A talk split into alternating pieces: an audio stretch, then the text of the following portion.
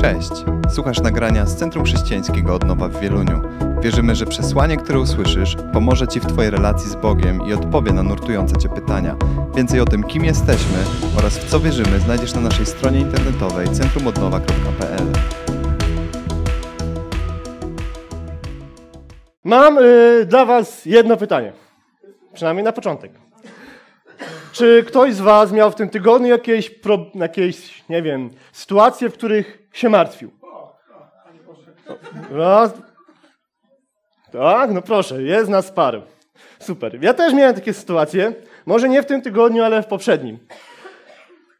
Co ciekawe, kiedy włączymy nawet pierwsze lepsze wiadomości, z każdej strony uderzają nas takie wiadomości.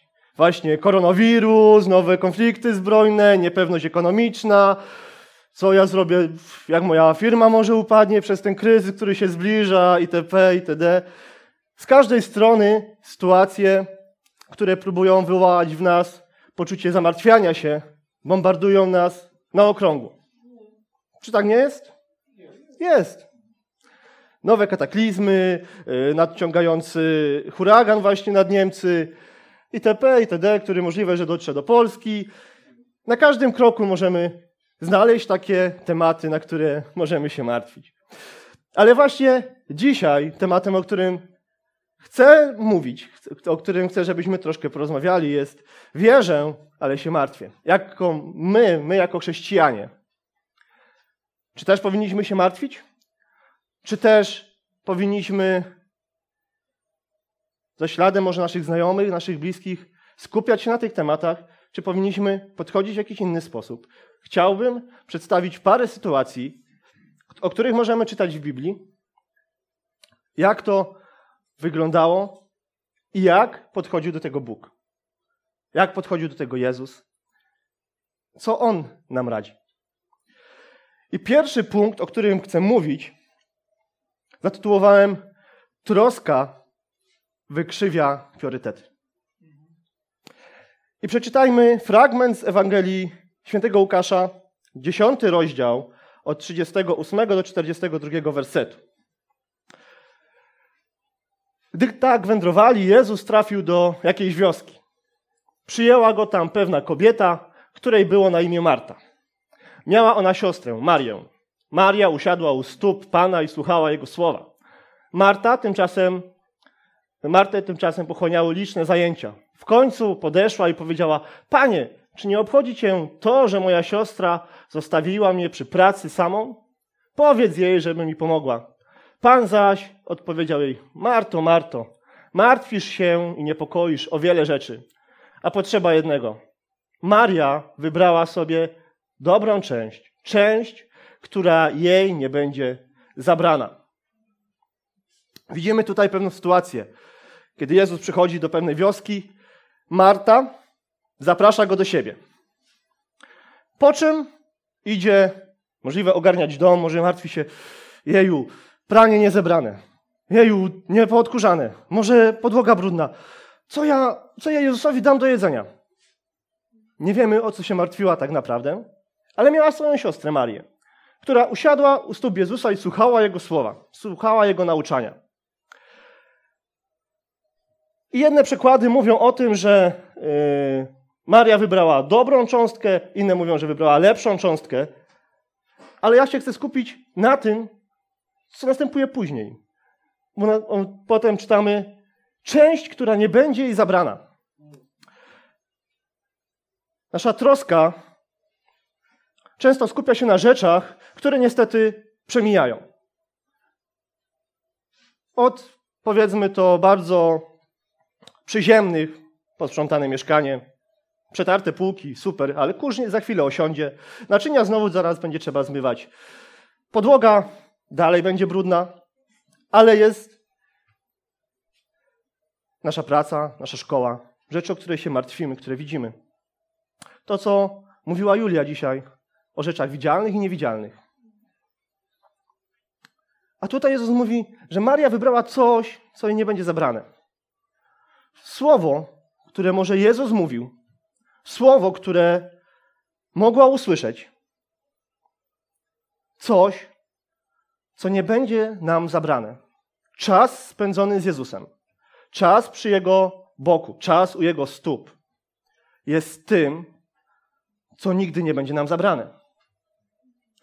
I wszystkie nasze troski, wszystkie nasze zmartwienia, które możemy kierować ku rzeczom, które czasami mogą wydawać się takie ważne, no bo co sobie Jezus pomyśli, kiedy przyjdzie do brudnego mieszkania, powiedzmy. Co sobie Jezus pomyśli na to, na tamto. I co jest ciekawe, Marta po chwili przychodzi do Jezusa i mówi: No Jezu, no przecież ja tam sama wszystko ogarniam, wszystko sprzątam. A Maria tutaj siedzi, no powiedz jej, żeby szła ze mną. Ale właśnie to pokazuje serce, w którym miała Marta. Bo często u nas tak jest, że, że tak działamy, że zaczynamy od działania. A powinni, powinno być inaczej. Powinniśmy zacząć od spędzenia czasu u stóp Jezusa. Od spędzenia czasu na posłuchaniu Go, porozmawianiu z Nim i przejścia do działania. Wtedy może unikniemy takich frustracji, jak miała Marta. No dlaczego ja to wszystko sama robię? Dlaczego ona mi nie pomoże? No ona będzie siedzieć, ja będę pracować, no jak to? Może nie. Może właśnie spotkanie z Jezusem powoduje, że to jest, że inaczej do tego podchodzimy.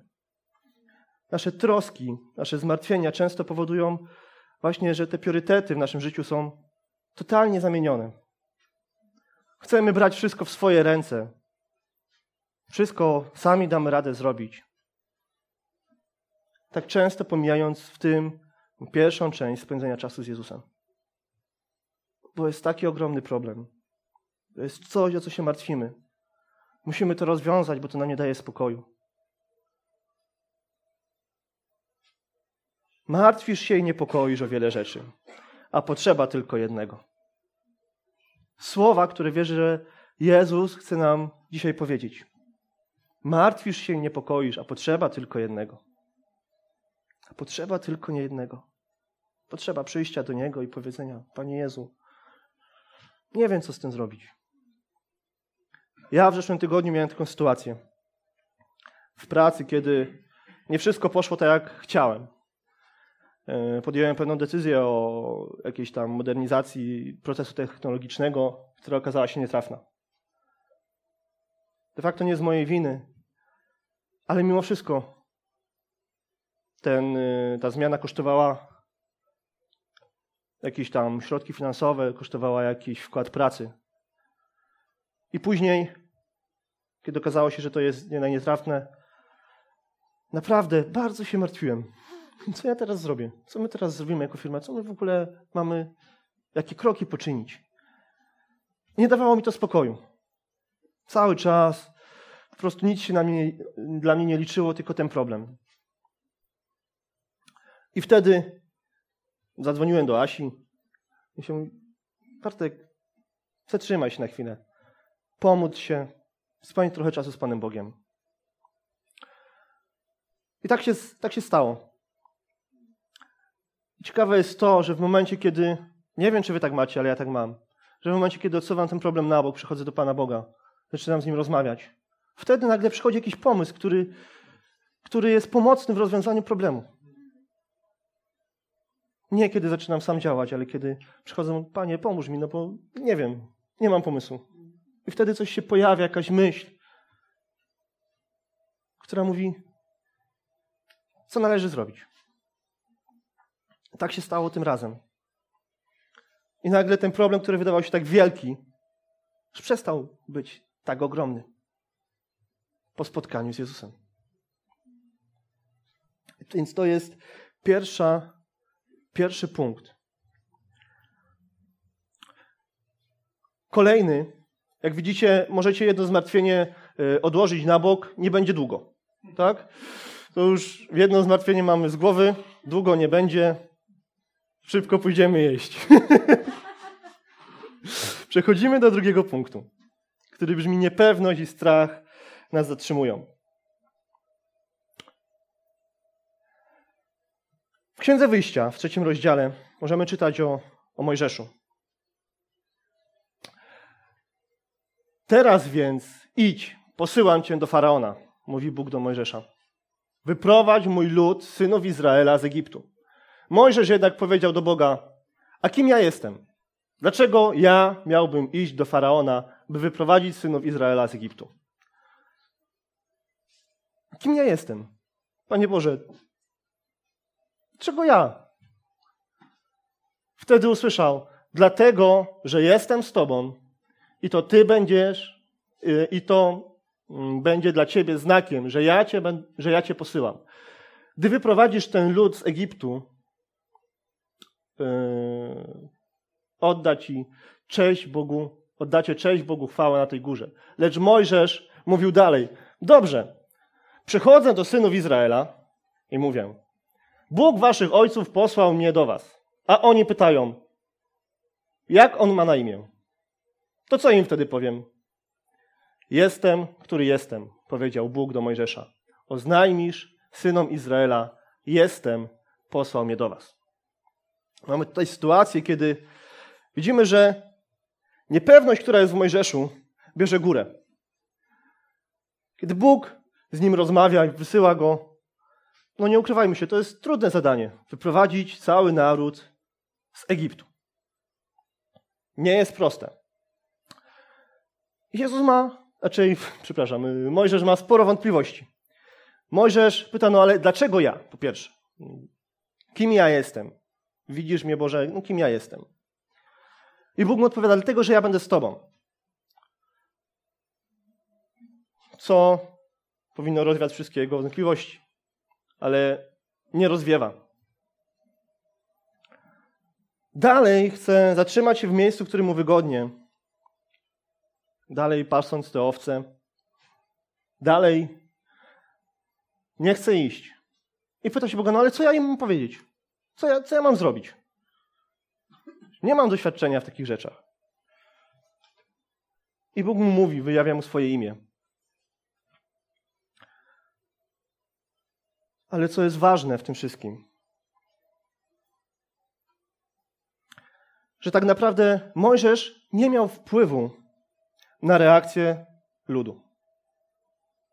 I właśnie zmartwienie i strach koncentrują nas tak naprawdę na tym, na co nie mamy, nie mamy wpływu. Tak samo jak ja czy ktoś inny dzisiaj mówię kazanie, nie mam wpływu na sposób, w jaki wy to odbierzecie. W sensie takim, że mogę się martwić, jak wy to odbierzecie. Tak naprawdę nie mam wpływu, mogę jak najlepiej się przygotować. Ale moje zmartwienie temu nie pomoże. Podobnie on.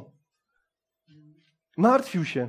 Jak oni to odbiorą? No a co jak wyjdę na, no nie wiem, żeby tutaj nie użyć jakichś yy, słów, na osobę niepoważną. Co wtedy? Mi powiedzą, nie, Mojżesz, ej, ty w ogóle tutaj, kto ci dał takie prawo? I on cały czas miał wątpliwości, cały czas się bał. I chwilę dalej czytamy, że Mojżesz jednak odezwał się na te słowa. A co jeśli mi nie uwierzą i nie usłuchają mojego głosu? Ale raczej powiedzą: Pan nie objawił się Tobie. Pan odpowiedział: Cóż to masz w swojej ręce? Laskę, odparł Mojżesz. Rzuć ją na ziemię, usłyszał polecenie. Więc rzucił. Wtedy laska zamieniła się w węża, także Mojżesz musiał przed nim uskoczyć. I czasami, kiedy my przychodzimy w naszym lęku, w naszym strachu do Boga i szukamy tylko wymówek, żeby czegoś nie zrobić, czy mam iść do swoich znajomych w pracy, powiedzieć im o Tobie, no ale no, kim ja jestem? No, co sobie oni o mnie pomyślą? Ucierpi moja reputacja w mojej pracy, w mojej szkole, w zależności od tego, gdzie jesteśmy. To wszystkie myśli nas paraliżują i zatrzymują. Często toczymy takie dysputy z Bogiem. Też tak macie, czy tylko ja tak mam? Rozmawiamy z Bogiem w naszym, w naszym lęku, w naszym strachu, w naszych obawach. Czasami robimy wszystko, żeby znaleźć wymówkę, żeby tego nie zrobić. I nagle Bóg zaczyna działać. W tym przypadku, na potwierdzenie Bożych słów, Mojżesz zobaczył, że Bóg jest w stanie zmienić jego laskę w węża. Mógł zobaczyć Boga w działaniu. Tak czasami jest w naszym życiu. Wtedy nagle dzieje się coś, jest jakaś odpowiedź na naszą modlitwę, się, dzieją się różne rzeczy, które mówią, że tak naprawdę strach i niepewność nie są w stanie zatrzymać nas względem Bożego powołania w naszym życiu, względem tego, co Bóg chce zrobić przez nas. Dlaczego? Bo tak jak czytaliśmy przed chwilą, bo On jest z nami. Bo On jest z nami. I często mówimy, że wierzymy, ale w momencie takiego wyzwania zaczynamy dyskutować z Bogiem i zaczynamy się martwić. Co my mamy zrobić z tym wszystkim?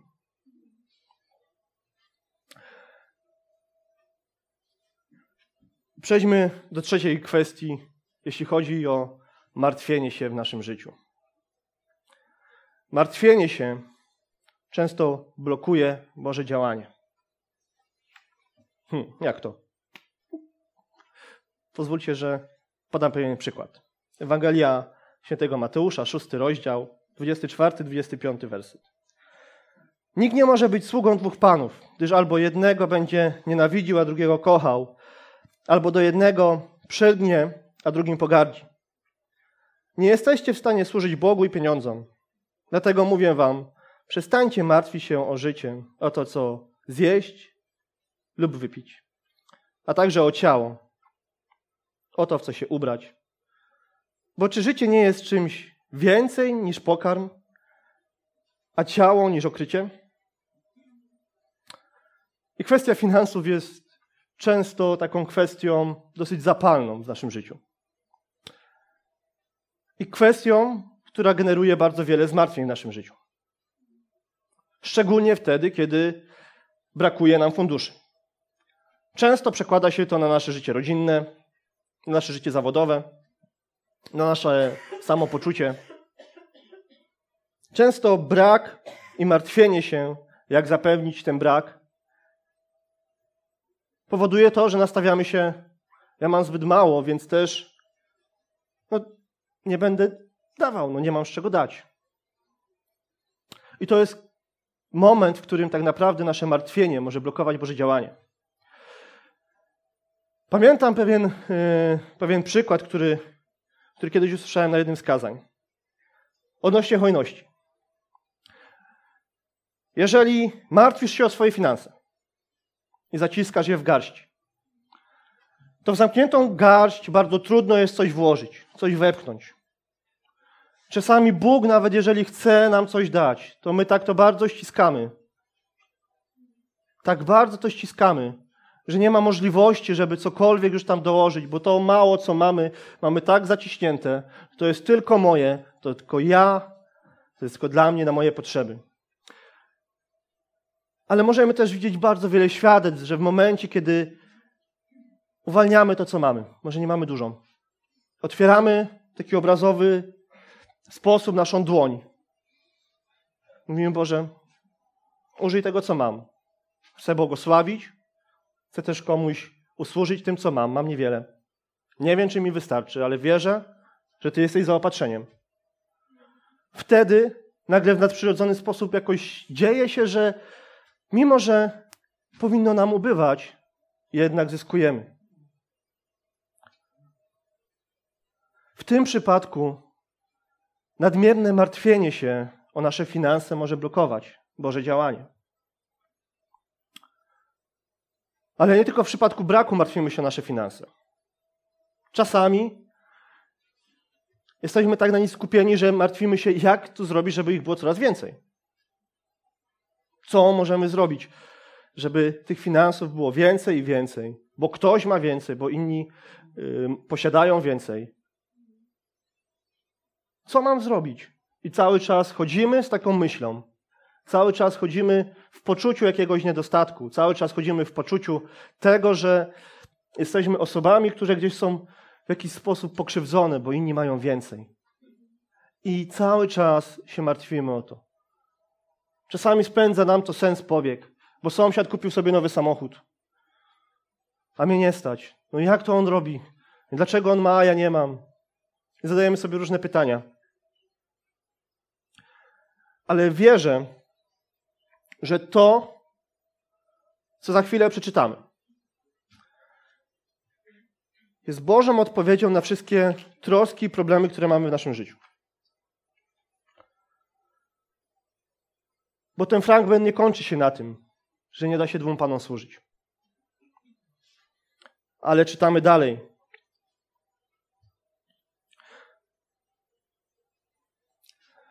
Zwróćcie uwagę na ptaki. Nie sieją one i nie żną. Nie zbierają też do spichrzów, a wasz ojciec w niebie żywi je.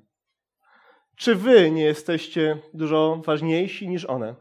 Kto z was, pomimo ciągłej troski, może swoje życie wydłużyć choćby o godzinę? A co do ubrania, dlaczego się martwicie? Zwróćcie uwagę, jak rosną polne kwiaty.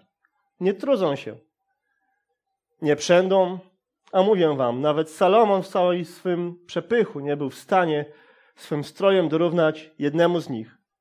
Więc jeśli trawę polną, która dziś jest, a jutro znajdzie się w piecu, Bóg tak przyozdabia, czy nie tym bardziej zadba o was, o ludzie małej wiary? Dlatego nie martwcie się i nie zastanawiajcie, co będziemy jeść, co będziemy pić, w co się ubierzemy. O to wszystko kłopoczą się narody. Wasz Ojciec w niebie wie, że tego wszystkiego wam potrzeba. Nasz Ojciec w niebie wie, że tego wszystkiego nam potrzeba. Czytając Biblię, nigdzie nie napotkałem się, żeby ktoś z Bożych mężów umarł kiedyś z głodu. Czy, nie wiem, pastorze, bo ty znacznie lepiej znasz na pewno Biblię niż ja, czy umarł ktoś, jakiś Boży mąż z głodu kiedyś? Macie może jakiś przykład?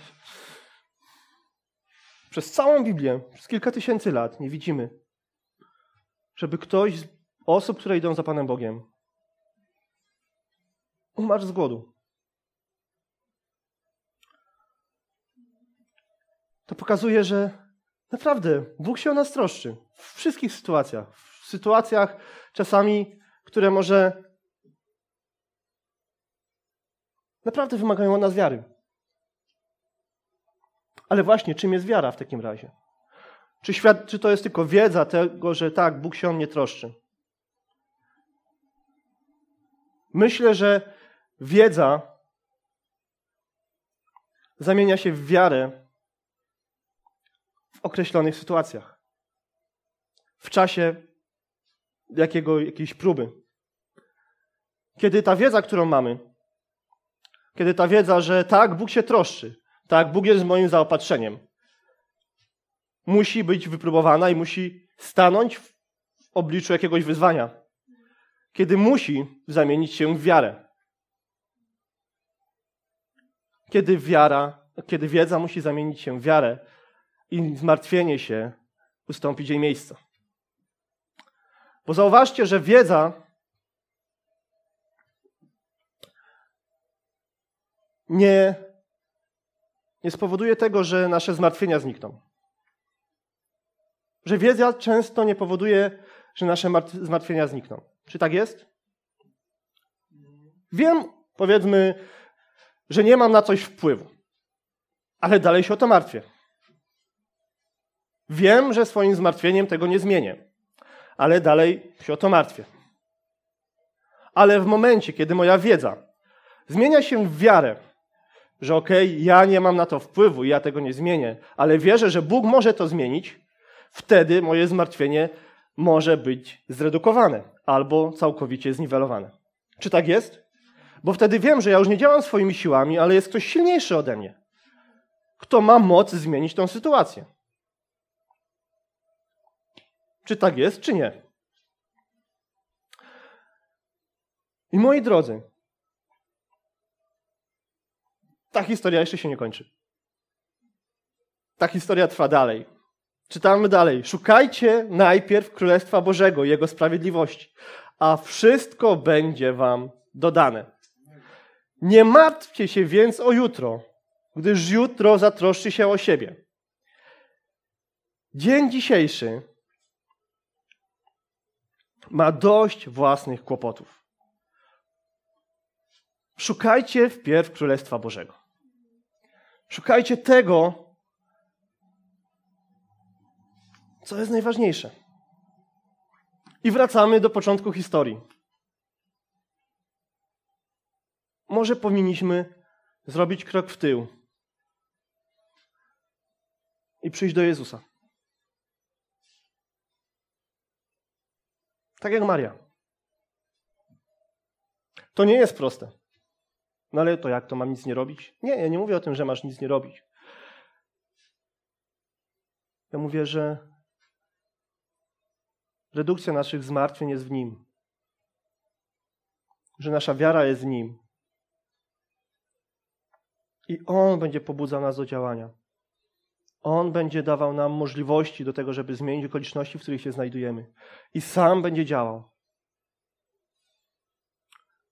Śpiewamy bardzo wiele utworów na uwielbieniu, które mówią o Jego działaniu, o poddaniu się Jemu. Wierzymy w to, że, że jest wszechmogący, że jest wszechmocny, że oddał za nas życie. A często mimo naszej, naszych słów, czasami bardzo prozaiczne rzeczy nas przygniatają i powodują, że się martwimy. I za chwilę będę miał do Was jedno pytanie.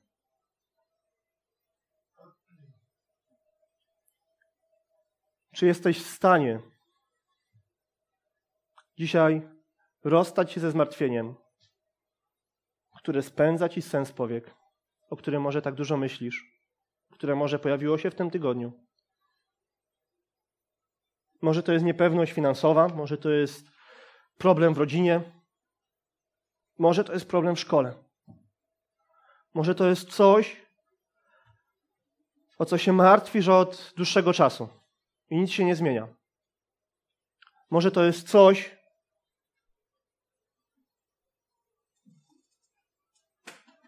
co w jakiś sposób nie pozwala ci żyć pełnią życia.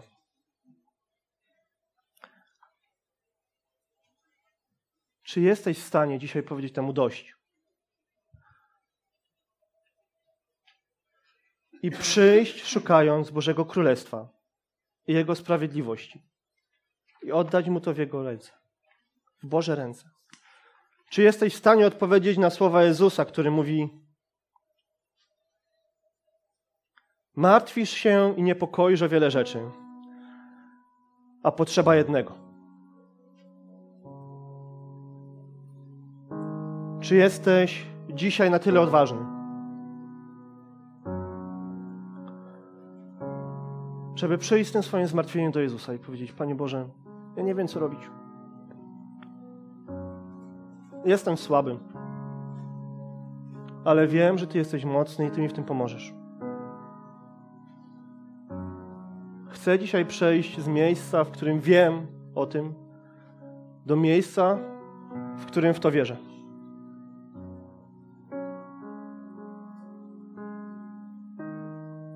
Jeżeli jesteś tą osobą,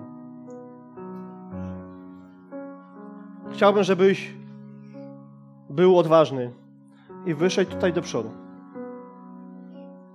Chcemy się o Ciebie modlić. Chcemy Cię błogosławić, wierząc w to, że On jest naszym Ojcem. Nie wiedząc o tym, ale wierząc, że kiedy my prosimy Go o coś, to On nam to daje.